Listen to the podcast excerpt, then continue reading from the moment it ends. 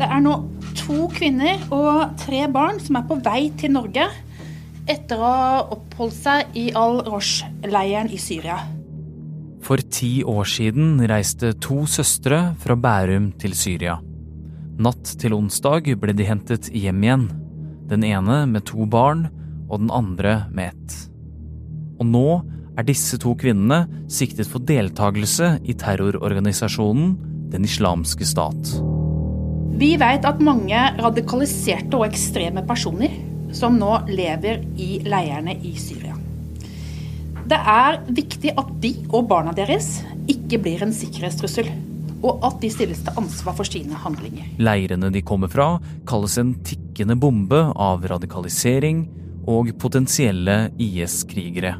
Så hva skjer med dem nå? Jeg heter Philip A. Johannesborg, du hører på Forklart fra Aftenposten, og i dag er det torsdag 30. mars.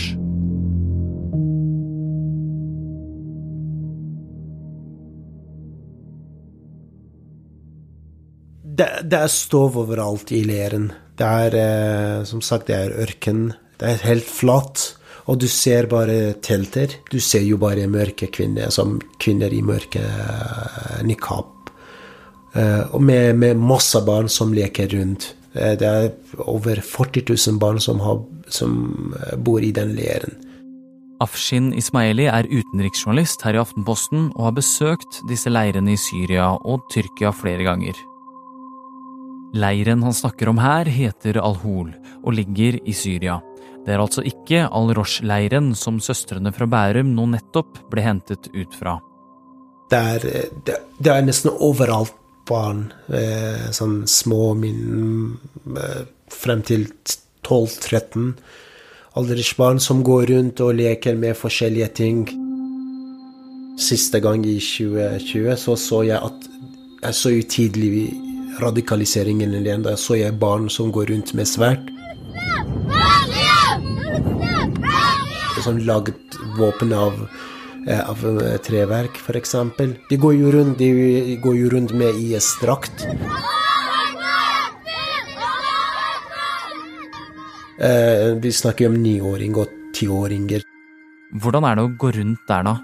Du blir jo mottatt greit til at det blir jo en del at de så på deg som en fiende. Du, de, de begynte å kaste stein på deg eh, true deg når du er inne i leiren. Du må jo ha vakter for å gå rundt i leiren. I mai 2013, helt i starten av kalifatet, så reiser disse to søstrene fra Bærum til Syria. Og det sammen med 40 000 andre europeiske menn og kvinner. De jentene har jo nevnt tidligere at de dro jo til Syria for å, eh, for å hjelpe syrere. For da var det krigen mellom Assad også og opposisjonen i, i Syria i samtidig. I løpet av årene har vi hørt flere historier om norske IS-krigere. Noen av dem er blitt drept, og noen har kommet hjem til Norge. Men disse to søstrene ble det helt stille fra. Helt til Afshin reiste ned til Al-Hol-leiren selv i 2019 for å lete etter fem foreldreløse barn fra Norge. De fikk han hjelp til å finne av en somalisk kvinne. Så jeg begynte å snakke norsk med dem, øh, med, med barna, og de svarte på norsk. Selvfølgelig. Altså jeg blir jo nysgjerrig. Hvorfor er det to somaliske kvinner passer på fem foreldreløse barn som er fra Norge? Man kunne jo ikke se ansiktet deres, fordi de, det var, de brukte nikab, og du kunne jo se ingenting. Men de sa jo at de er fra Somalia. Den nysgjerrigheten slapp ikke helt taket, så bare noen måneder senere drar Afshin tilbake. Og der møter han en ny somalsk kvinne. Da jeg møtte henne første gang, så sa jeg uh, let's speak English. Said, Can we speak Norwegian? Uh, I don't want to speak Norwegian. Så begynte hun og jeg begynte å snakke norsk, og hun begynte å, altså, til slutt begynte å snakke norsk tilbake. Da skjønte jeg ok, det er de to. Det var jentene fra Bærum, de som ingen hadde hørt fra på lenge, og som Afshin snakket med.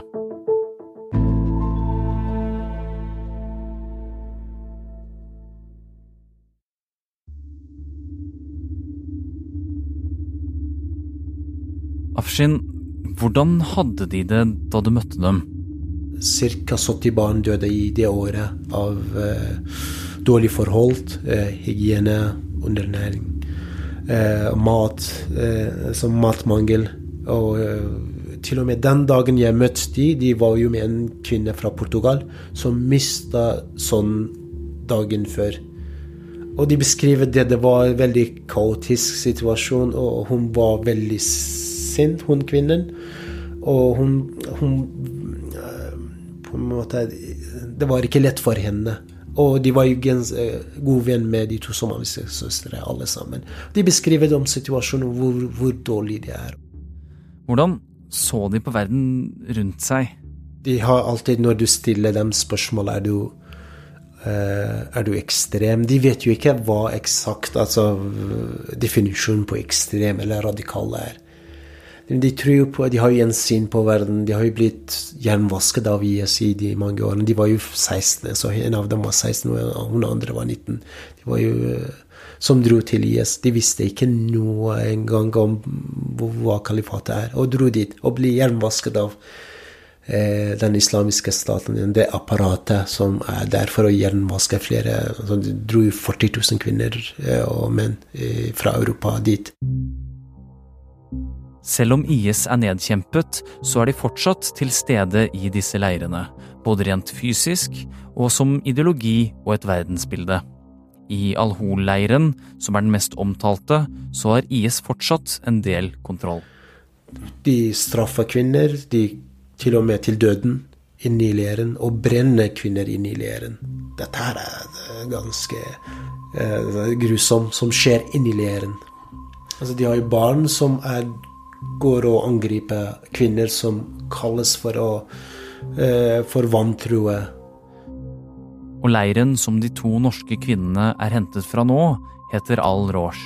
Og der er forholdene annerledes, ifølge Afshin. Det er to helt forskjellige leirer. Der er litt mindre radikalt. Til og med kvinner i Rouge går uten hijab. Med, uten noe her hårdokkene. I tillegg det det er forbudt med nikab i Rouge-leiren. Og der har de skole til barn. De har jo ganske altså Det er jo ganske bedre forhold hvis du sammenligner med Al-Hol, som er helt uh, anarki. At det finnes ikke Istedenfor vanlig skole, så har de koranskole, som er Og i tillegg har ISA ganske god eh, eh, kontakt med kvinnene, og har til og med De smuglet våpen i de siste inn i leirene. og eh, det var ikke for lenge siden, et, et, par måneder siden, to av vaktene ble jo drept inne i leiren. Så IS har ganske god kontroll over alkoholigere. Men i nei, det er, helt, det det er noe annet. De, de, har et litt bedre system. De, de er mindre kvinner. Hvis eh, det er 2500 kvinner og barn som bor i leiren. Uh, skole, hygiene, teltene er bedre. Alt forholdene er my mye bedre hvis du sammenligner med alkohol, som er fortsatt dårlig. Men nøyaktig hva de har opplevd og gjort, blir et tema når de to søstrene er hentet hjem igjen. For da de landet på norsk jord i går natt, så ble kvinnene med en gang pågrepet av norsk politi og siktet for å ha deltatt i en terrororganisasjon. Helene Skjeggestad, du er journalist her i Aftenposten, og du har fulgt denne saken. Ehm, hvorfor blir de hentet hjem til Norge akkurat nå? Det er flere ting.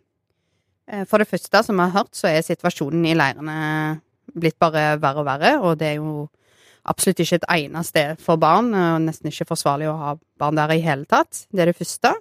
Og, og for det andre så har det nå kommet veldig tydelige signaler internasjonalt for at man ønsker at de ulike landene skal hente hjem sine kvinner og barn. Det sier både FN og vår allierte USA og, og de lokale kurdiske lederne. Og det, og det siste eh, er at Utenriksdepartementet nå sier at det de ikke har vært mulig å hente ut ungene tidligere, fordi de har ikke hatt samtykke fra foreldrene, eh, men at nå har de to kvinnene bedt om konsulær bistand for å få hjem seg sjøl og ungene til Norge. Så de to søstrene har med andre ord ombestemt seg og ønsker å komme tilbake til Norge. Vet vi noe om hvorfor de har ombestemt seg? Ja, Vi har ikke fått snakka med dem i det siste, så det vet vi ikke sikkert. Eh, det som har blitt kommunisert, er at helsetilstanden til ungene eh, er potensielt såpass alvorlig at de ønsker å komme til Norge. Selv om dette er en stor nyhet nå, så er det ikke første gangen Norge har hentet hjem folk fra disse leirene i Syria. Forrige gang, i 2020, så ble en kvinne med to barn hentet hjem, og da ble det mye bråk her i Norge. Dagen deres startet med at norske myndigheter hentet dem i den beryktede leiren Al-Hol. At regjeringen altså nå snur og henter ut to barn, og ikke minst deres 29 år gamle mor. Etter det NRK får opplyst, vil 29-åringen bli pågrepet av Politiets sikkerhetstjeneste straks hun er på norsk jord. Da besto regjeringen av Høyre, Venstre, KrF og Fremskrittspartiet. Og det at kvinnen og barna kom hjem, det likte ikke regjeringspartner Frp. Men eh, nå skal Fremskrittspartiet få gjennomslag i regjering, ellers så eksisterer jo ikke regjering lenger. Jeg tok oss inn i regjering, og nå tar jeg Fremskrittspartiet ut av regjering. Først ble den norsk-pakistanske kvinnen dømt til to og et halvt års fengsel for IS-deltakelse. Senere så Høyesterett på saken og reduserte straffen hennes med ett år. Og Helene, blir det like mye bråk nå? Det kan jeg umulig forestille meg. Eh, det handler jo om at det har gått mer tid, og man ser jo hvordan andre land har løst dette, og ja, vi plukker opp signalene internasjonalt om hva som er ønska. Men først og fremst så handler det om det åpenbare. Eh, Frp er ikke i regjering, og de som sitter i regjering nå, har ikke gått så hardt ut mot å hente kvinnene hjem. Men helt enkelt blir det likevel ikke. Det er viktig at de og barna deres ikke blir en sikkerhetstrussel, og at de stilles til ansvar for sine handlinger. I Norge har vi mulighet til å etterforske kvinnenes aktivitet i Syria. Helene, hva kommer til å skje med disse kvinnene nå? Kvinnene er allerede pågrepet og sikta for deltakelse i en terrororganisasjon. Og torsdag så ble de fremstilt for varetektsfengsling. Så nå starter det en rettsprosess der eh, PST og påtalemyndighetene kommer til å sette inn støtet for å bevise hva disse kvinnene har foretatt seg i Syria. Og det er jo ikke lett, for å si det mildt. Det har jo vært borgerkrig i Syria i ja, ti år. Men hva kan de bli dømt for? Rent formelt er de sikta for deltakelse i terrororganisasjon, så det er det de kan bli dømt for. Men det de sier sjøl, er at de har bare vært i Syria for å passe egne barn, og det er jo ikke ulovlig. Det slo Høyesterett fast sist gang en IS-kvinne skulle straffes. Men det kan tenkes at de òg har vært med på for eksempel å lage mat til menner som deltok aktivt i terror, eller at de har vært med på å lage ja, propagandamateriale på nett eller kanskje de har rekruttert aktivt på sosiale medier. Så alt dette blir en helhetsvurdering. Har de gjort nok til å kunne bli dømt? Og så er det jo òg et annet viktig punkt. Eh, kommer søstrene til å si at de, de, var i en tvangssituasjon i Syria, altså at de ikke fikk lov til å dra? Eh, for du kan jo ikke dømmes for noe du tvinges til å gjøre. Og vel, uansett så er det jo ikke en veldig lang strafferamme hvis de blir dømt. Dommen kan være ferdig sona om noen år. Hva som skjer nå, kan også påvirkes av rettssaken mot den andre IS-kvinnen som ble hentet hjem i 2020. For det som har skjedd i tidligere saker, er med på å legge føringer for hvordan denne saken skal behandles. Men én ting er hva som skjer med søstrene, og det kan vi ikke si sikkert enda. En annen viktig ting er hva som skjer med barna. Utenriksminister Anniken Huitfeldt har lova at Eh, barna skal få oppfølging og ro. Eh, og forsvarer Geir Lippestad han forteller oss i Aftenposten at uh, ungene har vært gjennom en veldig lang reise, og ja, det er en helt ny opplevelse for de å komme til et fremmed land som Norge, men at de har det etter forholdene bra. Og så om veien videre, der vet vi veldig lite av hensyn til barna sjøl. Det vi vet, er at de barna som har kommet tidligere, Eh, har fått oppfølging av barnevernet, og at det har vært et tett samarbeid mellom barnevernet, skolen og andre etater. Dette er jo barn som har levd store deler av livet sitt i eh, brutale interneringsleirer. Det sier seg jo sjøl at da trenger man skikkelig oppfølging.